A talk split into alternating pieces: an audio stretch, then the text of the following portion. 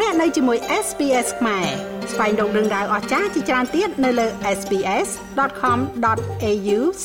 ខ្មែរខ្ញុំបាទមេងផល្លាមានសេចក្តីរាយការណ៍និយម2ក្រមប្រឹក្សាធម្មនុញ្ញបដិសេធបណ្ដឹងរបស់គណៈបកភ្លើងទៀននិងសេចក្តីរាយការណ៍មួយទៀតនិយម2នេះលោកនាយរដ្ឋមន្ត្រីហ៊ុនសែនបង្ហាញការហួសចិត្តទៅនឹងរឿងព្រះសង្ឃតិទៀនគ្នាលើបណ្ដាញសង្គម Facebook ព្រោះតែឋានៈទូនីតិ ជាដំបូងខ្ញុំបាទមានសេចក្តីរាយការណ៍និយម2ក្រមប្រឹក្សាធម្មនុញ្ញបដិសេធបណ្ដឹងរបស់គណៈបកភ្លើងទៀនក្នុងកិច្ចប្រជុំការពិព្រឹកថ្ងៃទី25ខែឧសភាក្រមប្រឹក្សាធម្មនុញ្ញបានសម្រេចបដិសេធបណ្ដឹងរបស់គណៈបកភ្លើងទៀនដោយមិនអនុញ្ញាតឲ្យគណៈបកប្រឆាំងនេះចូលរួមក្នុងការបោះឆ្នោតជ្រើសតាំងតំណាងរាស្ត្រនៅខែកក្កដាឆ្នាំ2023នៅក្នុងប្រទេសកម្ពុជាឡើយ ក្នុងកិច្ចប្រជុំការពិព្រឹកថ្ងៃទី25ខែឧសភាក្រមប្រឹក្សាធម្មនុញ្ញបានសម្រេចបដិសេធចោលបណ្ដឹងរបស់គណៈបកភ្លើងទៀននិងគណៈបកមួយទៀតឈ្មោះថាគណៈបកមហាសាមគ្គីជាតិខ្មែរ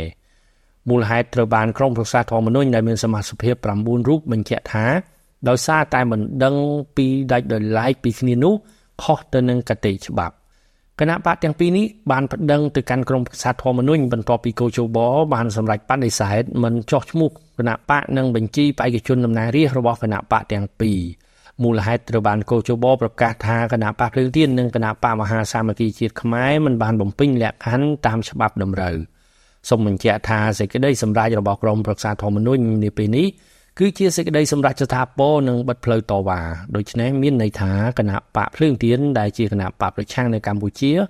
មិនអាចចុះឈ្មោះដាក់បេក្ខជនចូលរួមប្រកួតប្រជែងការបោះឆ្នោតជ្រើសតាំងតំណាងរាស្ត្រនីតិកាលទី7ឆ្នាំ2023នេះបានទេជាណាក៏ដោយកោជបបានទទួលស្គាល់បេក្ខជនគណៈបញ្ញយោបាយចំនួន18គណៈបកដែលក្នុងនោះមានទាំងគណៈបកប្រជាជនកម្ពុជាដែលកំពុងកាន់អំណាចដើម្បីចូលរួមប្រកួតប្រជែងការបោះឆ្នោតតំណាងរាស្ត្រ នៅថ្ងៃទី23ខែកក្កដាឆ្នាំ2023នេះចំពោះការសម្រេចរបស់ក្រមប្រឹក្សាធម្មនុញ្ញដែលបានបដិសេធមិនចុះបញ្ជីគណៈបកភ្លើងទៀនឲ្យចូលរួមការបោះឆ្នោតនៅក្នុងប្រទេសកម្ពុជានេះត្រូវបានគណៈបកភ្លើងទៀនកាលពីថ្ងៃទី25ខែឧសភាបានចេញសេចក្តីថ្លែងការណ៍ដោយលើកឡើងថាការសម្រេចរបស់ក្រមប្រឹក្សាធម្មនុញ្ញគឺមិនស្របតាមស្មារតីនៃកិច្ចព្រមព្រៀងសន្តិភាពទីក្រុងប៉ារីថ្ងៃទី23ខែតុលាឆ្នាំ1991 ហើយក៏មិនស្របទៅនឹងរដ្ឋធម្មនុញ្ញប្រទេសកម្ពុជាច្បាប់ជាធរមាននានាជាពិសេសច្បាប់ស្តីពីការបោះឆ្នោតជ្រើសតាំងតំណាងរាស្ត្រនិងច្បាប់ស្តីពីគណៈបកនយោបាយការបដិសេធមិនឲ្យគណៈបកភ្លើងទៀនចូលរួមការប្រកួតប្រជែងការបោះឆ្នោតនេះក៏ត្រូវបានគណៈបកភ្លើងទៀនលើកឡើងថាធ្វើឲ្យប៉ះពាល់ដល់សិទ្ធិក្នុងការចូលរួមការបោះឆ្នោតរបស់គណៈបកភ្លើងទៀនក៏ដូចជាប៉ះពាល់ដល់សិទ្ធិបោះឆ្នោតនិងសិទ្ធិចូលឈ្មោះឲ្យគេបោះឆ្នោតផងដែរ។ គណៈបកភ្លើងទៀនដែលបានបដូរឈ្មោះមកពីគណៈបកសំរងស៊ីក៏បានប្រកាសថានៅតែមានឆន្ទៈក្នុងការចូលរួមការបោះឆ្នោតទាំងថ្នាក់ជាតិនិងថ្នាក់ក្រោមជាតិដើម្បីចូលរួមជំរុញនិងលើកស្ទួយគ្រឹះនៃលទ្ធិប្រជាធិបតេយ្យសេរីពហុបក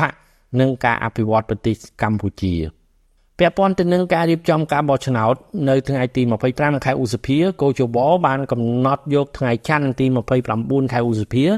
ដើម្បីរៀបចំចាប់ឆ្នោតកំណត់លេខរៀងគណៈបកនយោបាយនៅលើសន្លឹកឆ្នោតក្នុងកិច្ចប្រជុំការពិព្រឹកថ្ងៃទី25ខែឧសភាកោជបក៏បានសម្រេចថា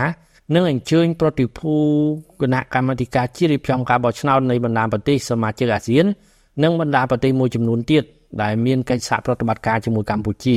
សមាគមស្ថាប័នបោះឆ្នោតពិភពលោកនិងបណ្ដាញពង្រឹងសមត្ថភាពរៀបចំការបោះឆ្នោតនៃប្រទេសនិយាយភាសាបារាំង ក្នុងនាមជាអ្នកសង្កេតការអន្តរជាតិនិងជាភ្ញៀវពិសេសដើម្បីចូលរួមសង្កេតការបោះឆ្នោតជ្រើសតាំងតំណាងរាស្ត្រនីតិកាលទី7នៅកម្ពុជានាថ្ងៃអាទិត្យទី23ខែកក្កដាឆ្នាំ2023ចុច like share comment និង follow SPS ខ្មែរនៅលើ Facebook